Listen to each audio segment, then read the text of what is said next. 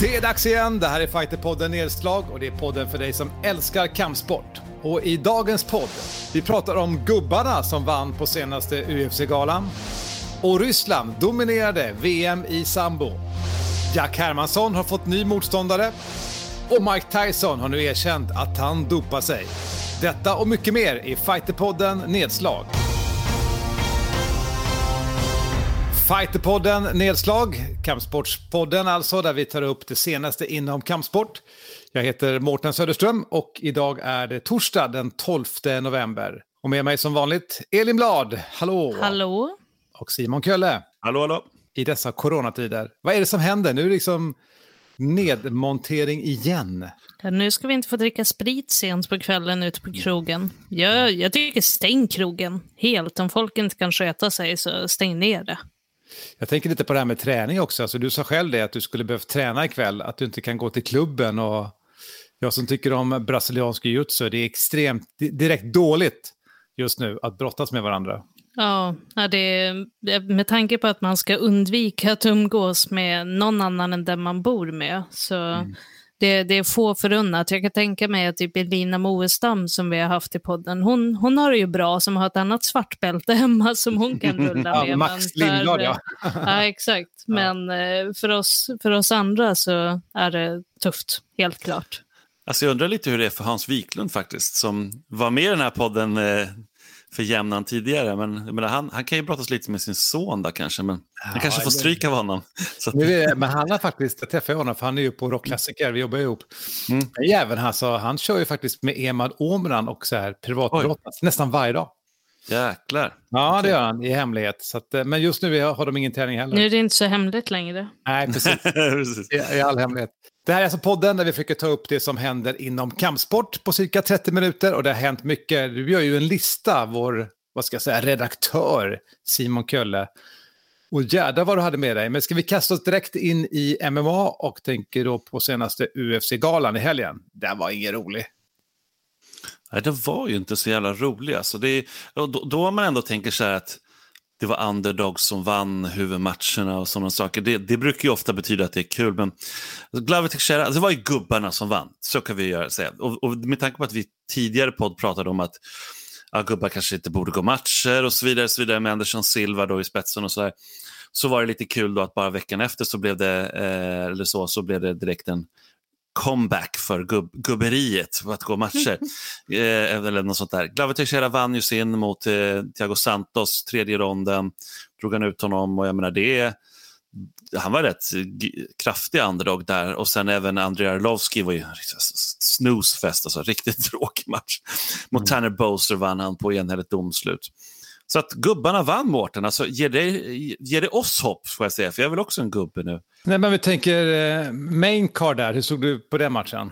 Ja men det var ju Glover Teixeira mot eh, Thiago Santos där. Ja, men vad tänkte du med Teixeira? Tänkte du inte att han eh, faktiskt hade förlorat innan han ströp ut? Nej, alltså jag han, han, han, klarade av att stå emot Santos storm i allra första början. Jag tyckte han, han tog ner och tog över mer och mer. Så att, jag, jag, var övertygad om att Glover, nu håller, jag, håller inte jag på live-bettar så mycket, men mm. det, då hade jag verkligen live-bettat hårt på Glover. Eh, men eh, så att Santos är ju livsfarlig i början, liksom. det är det som är ja. så... Inte om ni såg det, med eller hur ni mm. reagerade, men han fick ju mycket stryk. Det fick han. Men Glover kan ta en, en annan spel. Men tänk dig Alexander Gustafsson, Elin, kommer du inte ihåg det? När de möttes, jag menar, det var ju så här... Tre, fyra klockrena uppercuts i ansiktet innan ja. han faktiskt började se ja. lite seg ut. Mm. Jag måste ja. säga att jag, jag var inte så jättetaggad på den här galan och sen på söndagen funderade jag, ska jag titta på den och så bestämde jag mig för att jag är okej okay med att bli spoilad, läste på lite ställen och bara nej, det, jag tror inte det här är värt att lägga min söndag på. Och som det låter på er så var jag rätt ute där. Jag ska faktiskt erkänna att jag, jag så nästan snabbspolade den. Jag vet att man inte får göra det, men jag var tvungen att se den. Väl göra. Nej, men alltså, det är ju lite speciellt när det är gala varje vecka. Det kan omöjligen vara bra matcher. Då är det här var ändå liksom så här jättehögt rankade. Jag menar, Glover ska väl gå antagligen en match som bälte, men han, han vill ju göra sista försök till att nå bältet. Så här, och Ja. Jag menar, det är ju nu med de vinsterna han har, så jag menar, han känns ju faktiskt relevant för att gå om bältet. Jag menar, det, men nu hamnar han i en situation då där han får vänta på Blahovic och som, som ju ska gå mot Israel Adesanya som vi pratade om förra veckan. Det är ju däremot en match man faktiskt vill se. En supermatch, liksom. vad säger man? Supermatch på svenska. Super, en supermatch. Superman-match. ja, precis. Nej, men, ja, de är, de är ju sällsynta. Liksom. Mm. Men alltså, jag måste bara säga det, det har vi faktiskt inte ens tänkt att prata om, jag måste bara nämna det. Eh, Habib Nurmagomedov är ju snack om att han ska gå en 30 match ändå nu. Och Nej, de har ju faktiskt inte... Ja, han gjorde ju världens grej. Han, han lovade sin mamma kompis. Det var mycket känslor, det var mycket så har han sagt. Hans mamma var ju, var ju förvånad, det tog vi upp i podden också. Eh, så här, gjorde du så? Och de har, om ni går in på UFC.com så kan ni faktiskt se att de inte har tagit bort honom som champ. Det gör man ju med någon som ändå liksom hoppar av så att säga. Och eh, han har själv börjat liksom hinta och hans manager, eh, Alessis, har ju verkligen hintat att eh, 30 match blir det nog.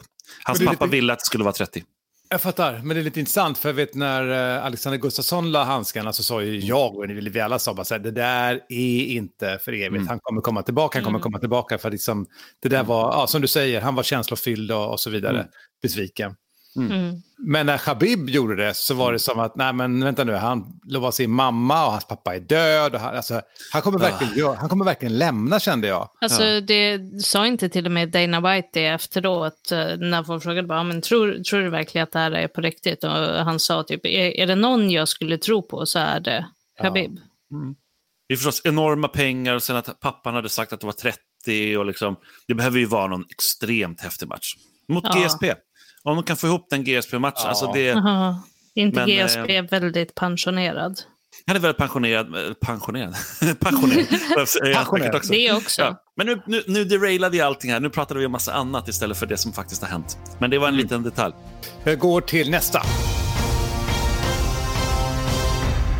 Tänkte bara kort vi tar upp, eh, apropå Ryssland, mm. eh, VM i sambo jag, jag, tror inte alla har koll på sambo. Alltså om man tittar på sambo så är ju det som, det är ju nästan MMA, det är som någon typ av sportjujutsu. Eh, de är ju tuffa, alltså det är tuffa fighter i sambo. Så jag förstår ju när man säger ofta i UFC sådär att den här killen har sambo-bakgrund. Mm.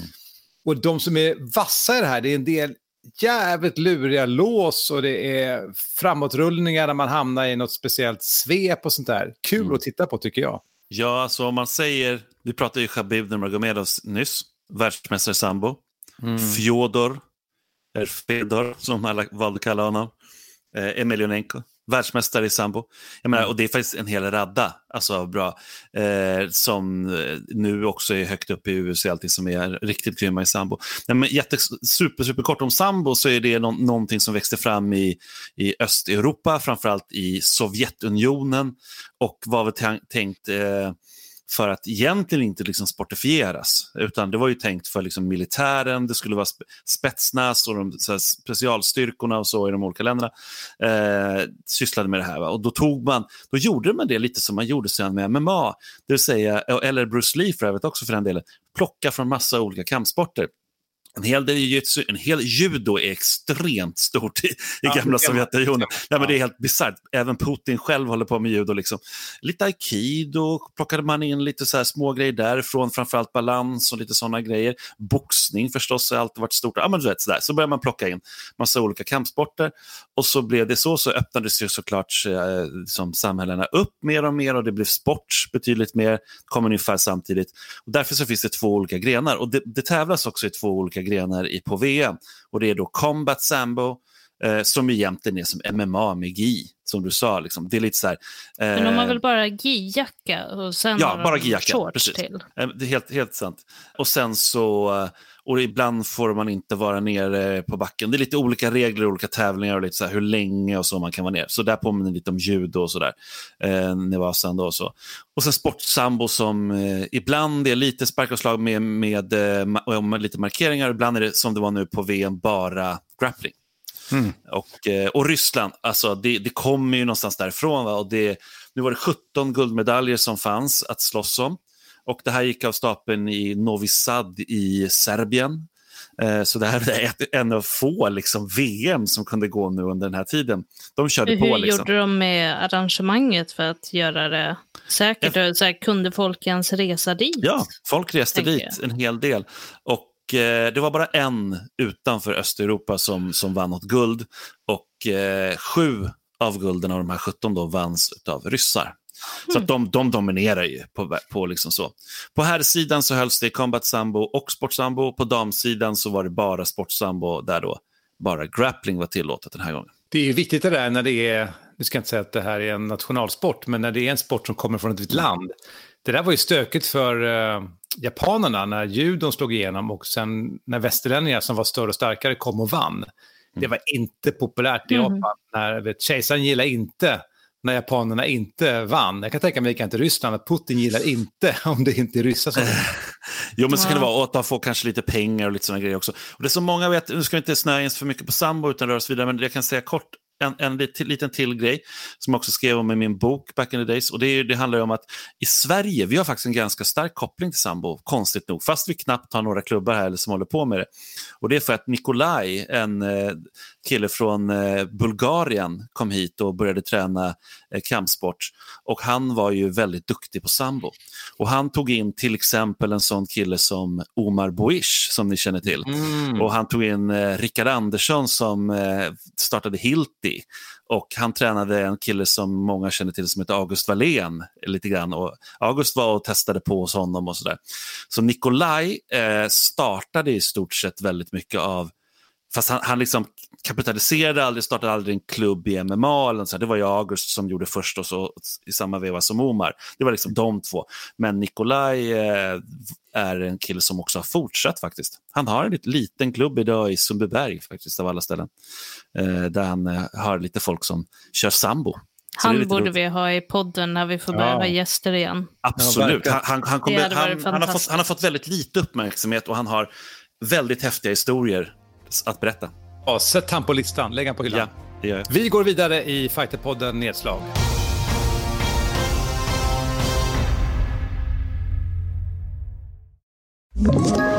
Ett poddtips från Podplay.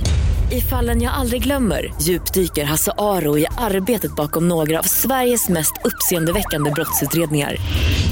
Går vi in med hemlig telefonavlyssning och, och då upplever vi att vi får en total förändring av hans beteende. Vad är det som händer nu? Vem är det som läcker?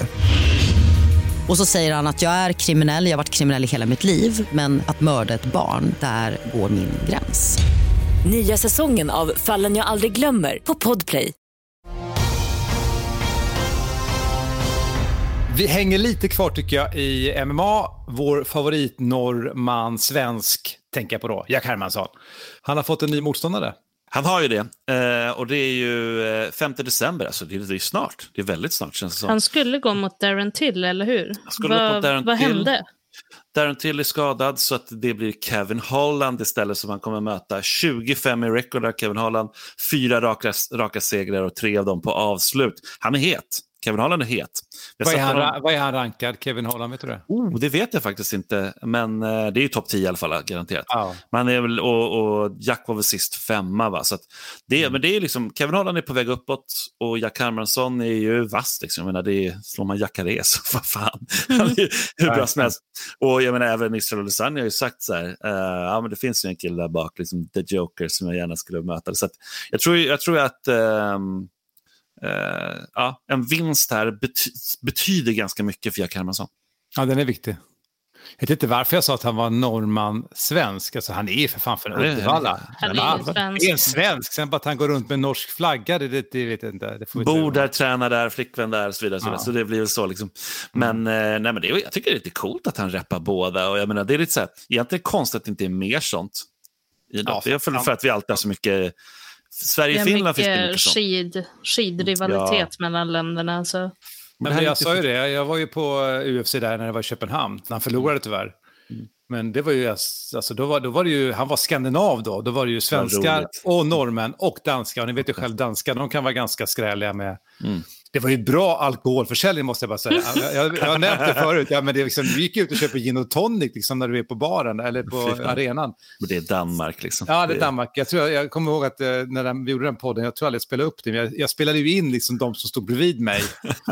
eh, det är ganska härligt att höra dem. Men eh, då var ju Jack som att han var dansk. Förstår du? Ja, ja, okej. Mm. Som vi svenskar gör, du kopplar personen till dig. Eh, så det var ju stor besvikelse. Han hade ju... ja, vi pratade mycket om det, att han hade gått ut och han hade liksom efterfesten och allt vad det var för någonting. Mm. Och så förlorade han, känner man. Det var ju som att man kom ut för så här regnigt Köpenhamn. Ja. Mm. Luften bara gick ur allting. Bara, nej.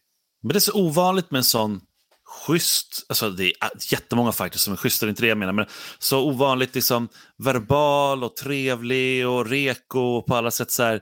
Eh, också det här med att han hade sina förluster där i Bellator och sen så bara, och var helt borträknad i folks ögon. Alltså jag, jag vet verkligen att jag föreslog honom till flera galor i Sverige och bara, ah, det, mm. han kommer ju bara bli nedbrottad, det är kul liksom utan att nämna någon namn.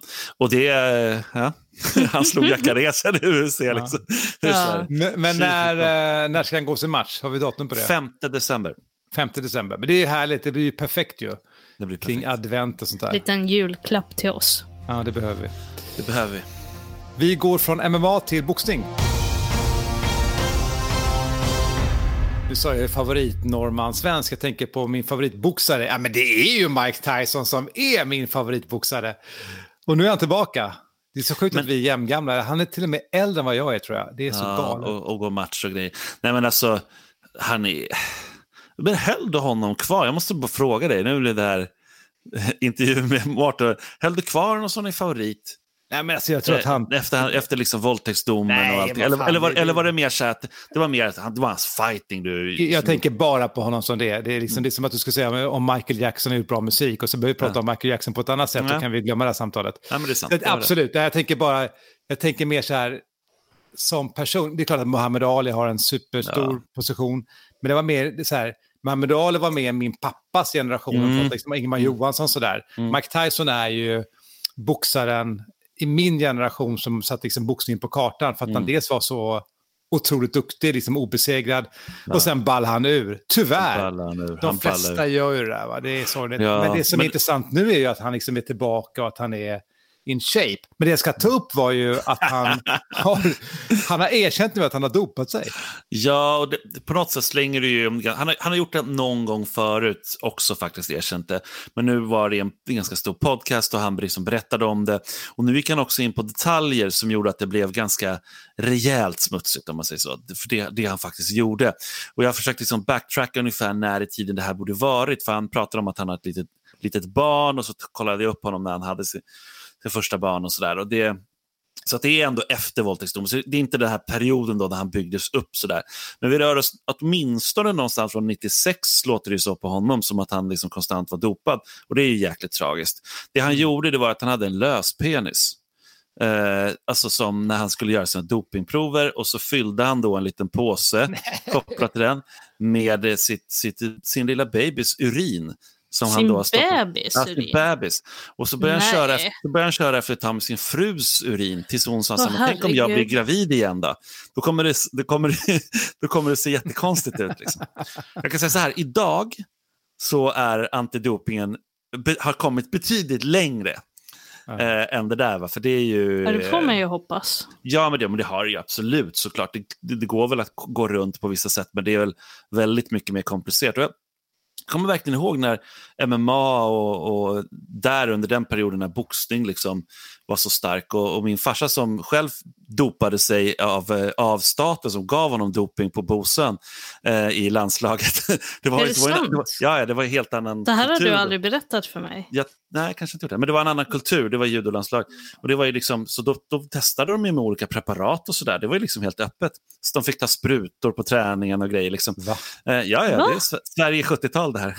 Ja. Gud, vad och, och sånt. Liksom. Så han gillade ju inte det, man mådde jävligt illa och blev dålig så han slutade med det.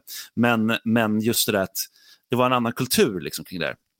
Och han sa ju alltid det att han kunde se och han kände verkligen i sin kår att det var så jäkla många som var dopade. Alltså de här tunga namnen i boxning och, framför, och sen också i MMA. Och det har ju liksom visat sig det och det är jävligt tragiskt. Det är ja. renare sport idag men väldigt tragiskt att det är så många som har varit så dopade. Om man tänker liksom på Coleman och många av de mm. här liksom tidiga UFC-tunga fightersarna som... Tänker du att uh, Shamrock Ja, han var dopad. Han åkte ju fast för doping ett par gånger också. Så att, men, men, man ser ju det på honom. Han har ju rojdat hur mycket jag som helst. Jag, skojar lite grann. Jag sa det. Måste man liksom, det, alltså, det, han, är ju, han är ju ärke, så här, ärketypen. Han ser ju ja. precis ut som en typisk Ja, och det är så tragiskt. Liksom. Det är väldigt tragiskt.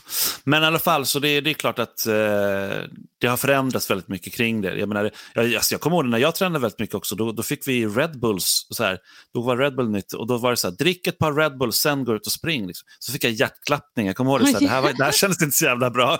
Då, då drack jag aldrig mer, jag har fan aldrig druckit en Red Bull efter det. Jo, kanske någon Red Bull vodka någon mm. men aldrig annars. Men det, det är så sjukt när du beskriver det där som, mm. som din pappa var med om, att det mm. var liksom på Bosön som är, så här, det, det, är idrottens centrum. Ja. Det, men för det är så lustigt, för nu, bara nu i helgen så var jag med på Riksidrottsforum mm. eh, för att diskutera en massa frågor. Och en av de sakerna som vi pratade om, eller snarare informerades om, är att eh, den svenska antidopingorganisationen kommer omarbetas. Mm. För internationellt sett så bedöms vi inte vara tillräckligt oberoende eftersom dopi, ah. alltså vår antidopingkommission tillsätts av RF, så den tillsätts och liksom avlönas av de som den är satt att granska. Mm. Så vi måste bygga om den, för det, det, det, har ju kommit massa nya bestämmelser, framförallt efter liksom alla så riktigt stora skandaler med ryssarna på OS och allt mm. sånt där, att antidopingorganisationen måste vara helt fristående från idrott. Ingen som jobbar med antidoping eller håller på med det på något sätt får ha någon koppling till idrott. Mm. Så man måste... Och i ett litet land då, där, där så, så är det såklart svårare. Ja, men nu, nu måste ja, vi börja ja. hitta folk utanför ja. som inte har någonting med oss att göra. Och bara, hej, kan ni, kan ni ta kissprov på oss? Men får jag ta bara en annan grej? Jag tänker, ni har säkert sett bilderna, han är ju väldigt vältränad, Mike Tyson. Mm.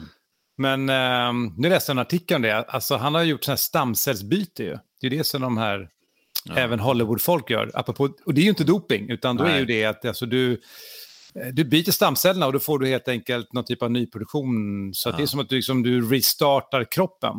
Rätt ja. avancerat. Det är, tydligen... det är rätt avancerat och det går rätt way back det där också. Nu är det betydligt bättre än vad det var förut, men det var, det var faktiskt så pass att väldigt rika personer, nu pratar vi liksom 50-talet, ja, eh, då, då var det så här, rika personer som åkte till England och tog apomorfin. Det är bara få nu som lyssnar som vet vad, här, vad jag pratar om. Men det var alltså, du kunde hålla på med heroin och så tog du en apomorfinkur och så då böt det just ut precis på det sättet, fast det var ju betatest i jämförelse med stamcellsbytena ja. nu idag. Liksom. Och så låg du inne på en klinik ett tag och så kunde du fortsätta med heroin sen. Och vissa blev liksom 80 år. William S. Burroughs, författaren, blev 84 år och höll på med heroin liksom större delen av sitt liv. Så att, så, det... ja. Bioengineering, och vi går ju närmare och närmare mot att faktiskt bli någon form av cyborgs där Verkligen. överklassen kommer kunna leva för alltid på Stam, odlade stamceller. Va, vad hände med det här avsnittet? Ja, vi går vidare framåt. vet här, vi pratar William S. Burroughs, liksom, The Naked Lunch. Nej, vi går ja, ja, ja, ja, du har koll, du har koll, vad roligt. Vi kör vidare. Vi kör på eh, Bellator. Tiden går fort. Det här är Fighterpodden Nedslag. Eh, vi, alltså, vi har många saker kvar på listan. Kan du bara kort, ja. det, det, är lite konstigt så här för att det är kväll Eh, alltså när du hör podden så har den här galan varit, men det är en gala med Bellator ikväll, Simon. Det är det. Bell vi pratar inte alltid Bellator, men det, jag tycker att vi ska göra det idag. Det är Bellator 252 och det är alltså Patricio Pitbull som eh, är deras, eh, han försvarar bältet. Och jag menar, han, Michael Chandler har ju, de flesta som inte känner till, har ju, känner ju till honom nu. Han var ju inplockad där för att ersätta någon i sista Khabib-matchen här då, om, om någon skulle hoppa av Gaethje eller Khabib och så här. Och hamnade direkt topp fem på, i, i eh, viktklassen i UFC. Han förlorade ju mot Patricio Pitbull i, i liksom första ronden. Så Patricio är ju, borde ju då, om man tänker den logiken enligt UBC, liksom matchmakers och sådär, vara, vara väldigt högt rankad. Han är antagligen topp fem, men han är Bellator, så det blir lite det här som du alltid tar upp där, Mårten, att är det synd liksom att han är Bellator? Vill man egentligen se honom i, i UFC och sådär? Han har en förlust eh, sedan 2016 och det var på han skadade benet när han mötte mm. Benson Henderson. Så det, var en, det var en skada. Liksom. Men om du ska se Bellator ikväll, var ser du den galan då? Ja, det är inte helt lätt faktiskt. Det, det visas ju inte i Sverige, så det, det, det är lite knepigt. Däremot så läggs det ut väldigt mycket matcher väldigt snabbt på YouTube, och så, där, så Mm, det går ju att kolla på så sätt. Men Jaroslav Amazov eh, är en kille som är väldigt intressant. Det är också en stats jag skulle vilja hamna i UFC. Han har 24-0 i record. Jag försökte kolla det lite innan galan, men han är inte helt. Men det borde ju vara typ att han har näst bäst record, om man, om man säger så. I, eh, beror, lite, beror lite på hur man räknar efter Khabib. Liksom. Men han, eh, han kommer möta en annan obesegrad fighter. Det var ju så här att eh, Amazov när han kom till Bellator var det så ah, han har ett, eh, liksom, hans record är lite si och så, hur har han fått det och så där i Ukraina och så. Men eh, han hade till exempel mött Diego González, svenska fighten. Slagit honom på TKO 2015. Eh, och nu möter han i alla fall Logan Storley som, som har 11-0 i record och som är en, alltså han är en grym brottare verkligen. Eh, men sådär, sån här matematik som aldrig funkar. Han, han, I brottning så förlorade han mot Amazovs näst sista motståndare där Amazov vann. Så han har ju inga problem att möta brottare heller, Amazov. Och jag menar, det är ju det är också sådär, ni kanske inte ens kände till Jaroslav Amazov, men 24-0 i record. Så de är, lite, de är nästan lite doldisar där i Bellator på ett sätt. Ja, men spännande match. När vi ses nästa gång så vet vi hur det gått då. Det gör vi. Tänkte bara stanna snabbt i MMA där. Det är så här gamla och nya generationer, men jag tänker bara på Tito Ortiz Ja. eh, som ska bli politiker. Ja, han är politiker nu. Han blev invald i deras alltså, stadsfullmäktige i Huntington Beach. Han var, kallades ju Huntington, Huntington Beach, Beach Bad Boys, Boy. bad boy, boy precis. Huntington Beach Nu är han Huntington Beach City Council, alltså stadsfullmäktige i Huntington Beach. Och det, är liksom, det var 15 kandidater och eh, Tito fick flest röster av alla. Så 34 901 röster. Och eh, han är ju konservativ republikan, kallar han sig själv. Så att, eh, nu, nu sitter han där i stadsfullmäktige. Jag har inte så jättemycket mer att säga om det, men det är lite sådär, de fortsätter på något sätt att harva runt och jag menar, det, det är bara relevanta på något märkligt vis, liksom, de här gamla fightersna. Du, jag hänger kvar lite grann bara på MMA, sen du har så många punkter på listan där Simon. Nej, men du skrev här att Kina, de reglerar MMA. Vad händer där? Ja, alltså de, de reglerar MMA hårdare nu ska de göra för att det har varit så mycket osanktionerade liksom, tävlingar där. Och de tävlingarna har ju gått, alltså, vi, alla vi har sett dem, alltså, no, några sådana här små matcher. Och det är sådana här, eh, tra, mycket gamla gubbar som har övertro på sin, sin stil, va? som sina traditionella liksom, kampkonster kan man säga, som möter då kickboxare eller MMA-fighters som är betydligt yngre och de blir toknockade, de här gubbarna. Är det Eh. här liksom någonting, eh, typ det man kan se på så här McDojo Life? Alltså, Ja, nej men alltså det, ja, men det är ju det. Alltså det, är ju, det är ju bullshit och sådär. Sådana Ja, uttryck har kommit efter det. Liksom, för att det är mycket sådär att ja, men det, det har funnits liksom en traditionalism som, som har gått överstyr. Det har liksom nästan blivit sekter av det här. Och eh, de här gamla då, ofta kopplade till kung fu. Men det liksom finns en övertro. Jag, menar, jag tror att alla som håller på med kampsport ganska länge i Sverige vet om att det, det kan uppstå sådana saker. Jag menar just det här, att, jag, menar, jag träffade folk hela liksom, min uppväxt som sa att jag tränar ninjutsu va, och jag kan eh, trycka på en punkt, kommer du dö. Oj, sa man då. Va? Sen är du död om fyra dagar. Ja, exakt. Ja, du vet, eller du kan Men svimma. vad är, det de, vad vad är det de ska reglera för någonting då? Ja, men de måste ju göra det, va? för att eh, de här gubbarna blir skadade, gra, gravt skadade. Alltså det är så här, och det, de sker mer och mer, du ska utmanas ännu mer. för Nej men minsann, vår sekt, vår lilla grupp, vi kan slå en kickboxare som är sin prime, 30 år gammal. Liksom. Det, det, det blir inget bra. Så att det, det Ja, är skador. det, det, det är intressant, jag har sett ganska mycket av det där. Och Mm. det är klart som du säger, alltså, det här kan bli långsamt. Det här kan bli långt. Nej, men alltså MMA har ju förändrat väldigt mycket, precis som Mm. eh, kanske så här, mer realistisk träning för närstrid, typ krav maga och sådär. Alltså vad är det som funkar och inte fungerar. Men som människor så vill vi gärna att det ska vara lite enklare, det ska inte ens göra ont. Du vill ju lära dig magiska trick. Jag tänker framförallt det här med 70 80-talet, Ja. framförallt när den stora vågen av kampsportsfilmer kom, att till slut så var det just de här speciella kung fu-teknikerna och mycket det här att du har speciella chi-tekniker eller ki, Mm. där du bara kan på distans göra saker. Och tittar man på de här klippen på YouTube som finns, Mm. så är det sorgligt att det då till dags dato finns personer som faktiskt är upphöjda till skyarna, Mm. i bland annat Kina och även i Japan, ja, ja, som mästare eh, med, med någonting som är helt odugligt ja. där folk ramlar runt omkring och så fort det kommer in folk som då ska testas på det här som inte är villiga att ramla så funkar det inte. Nej, nej det är tro. Eh, då tron försätter ju berg. En, en, för, en liten teori där som jag kommer att tänka på. Ni satte precis fingret på det, det här med tron. Mm. Tror, ni, tror ni att det, här kan ha, att det här kan ha någonting med att göra att, att Kina liksom som, som en kommunistisk stat är väldigt sekulariserad och att det inte finns liksom någon utbredd tro. Är, är det det som gör att folk dras till det här? För, och, och sen bara en kommentar om det här att det fortsätter utmanas och att det blir mer och mer. Det har ju, bara, det har ju med egot att göra. Mm. Hos, hos, eh, hos framförallt de som ska försvara sin sekt eller mm. sin master eller sin stil eller sin key eller mm. magiska trick som ni säger.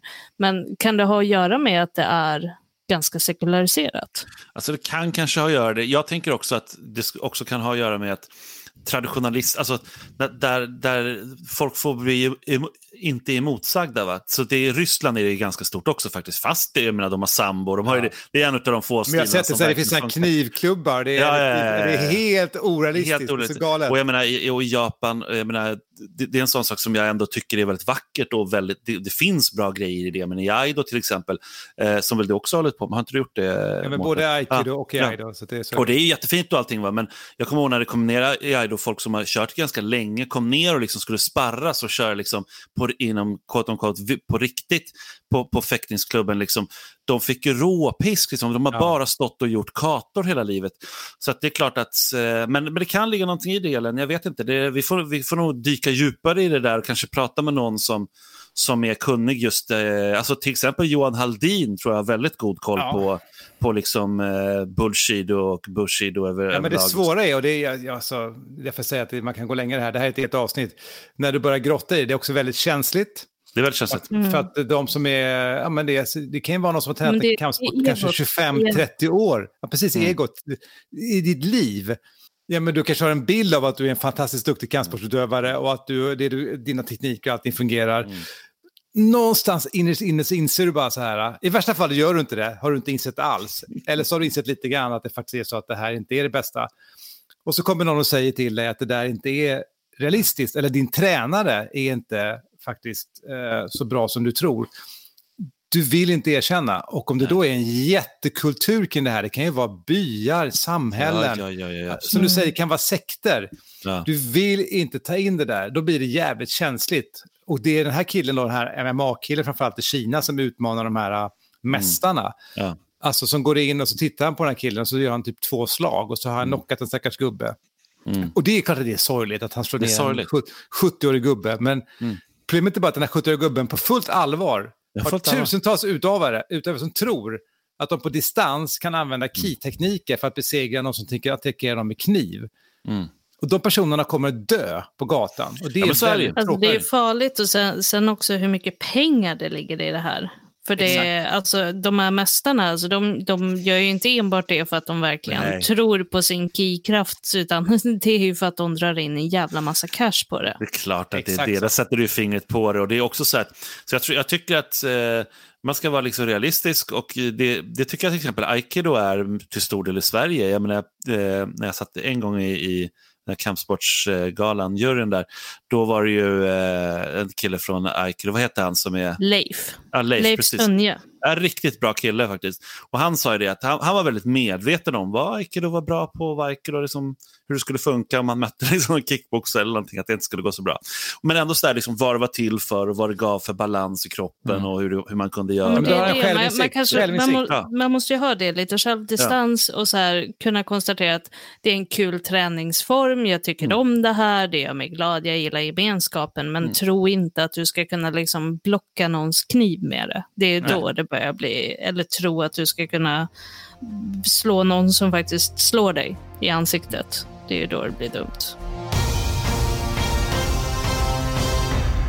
Tiden springer ifrån oss, men två grejer till. Kort då. Um, en kille från Göteborg, Svonomir Kralj, yeah. MMA-fighten. Han är i var är han någonstans nu? Bahrain är han, Svonne mm. som han kallas. Och han är ju en, en bra 7-3 rekord, han har nu vunnit en bunt matcher i rad nu och vann ju två i somras i, i Brave i, i Stockholm.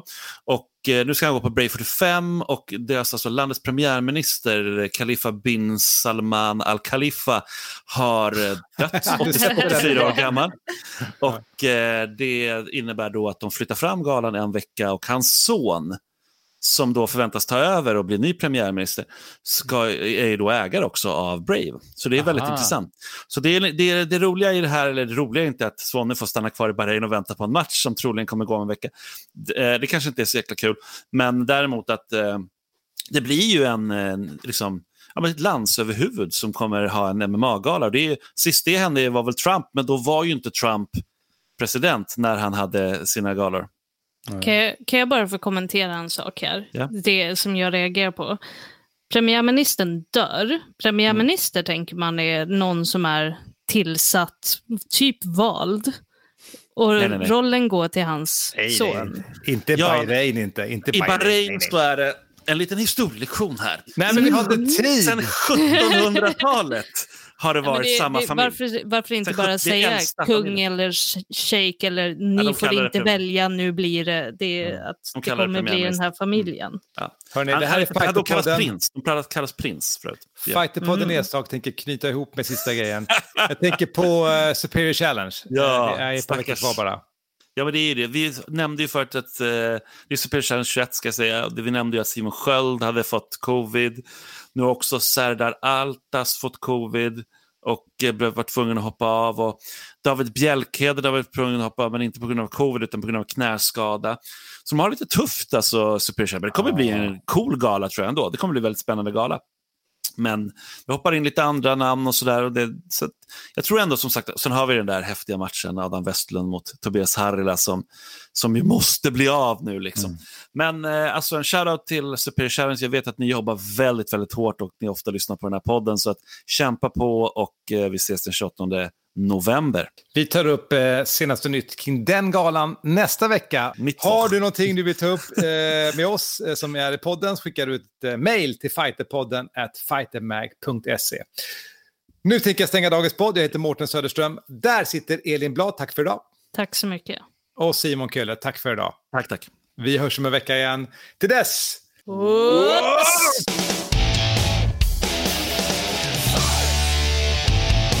Fighterpodden produceras av Suba Media för Radio Play. Ett poddtips från Podplay.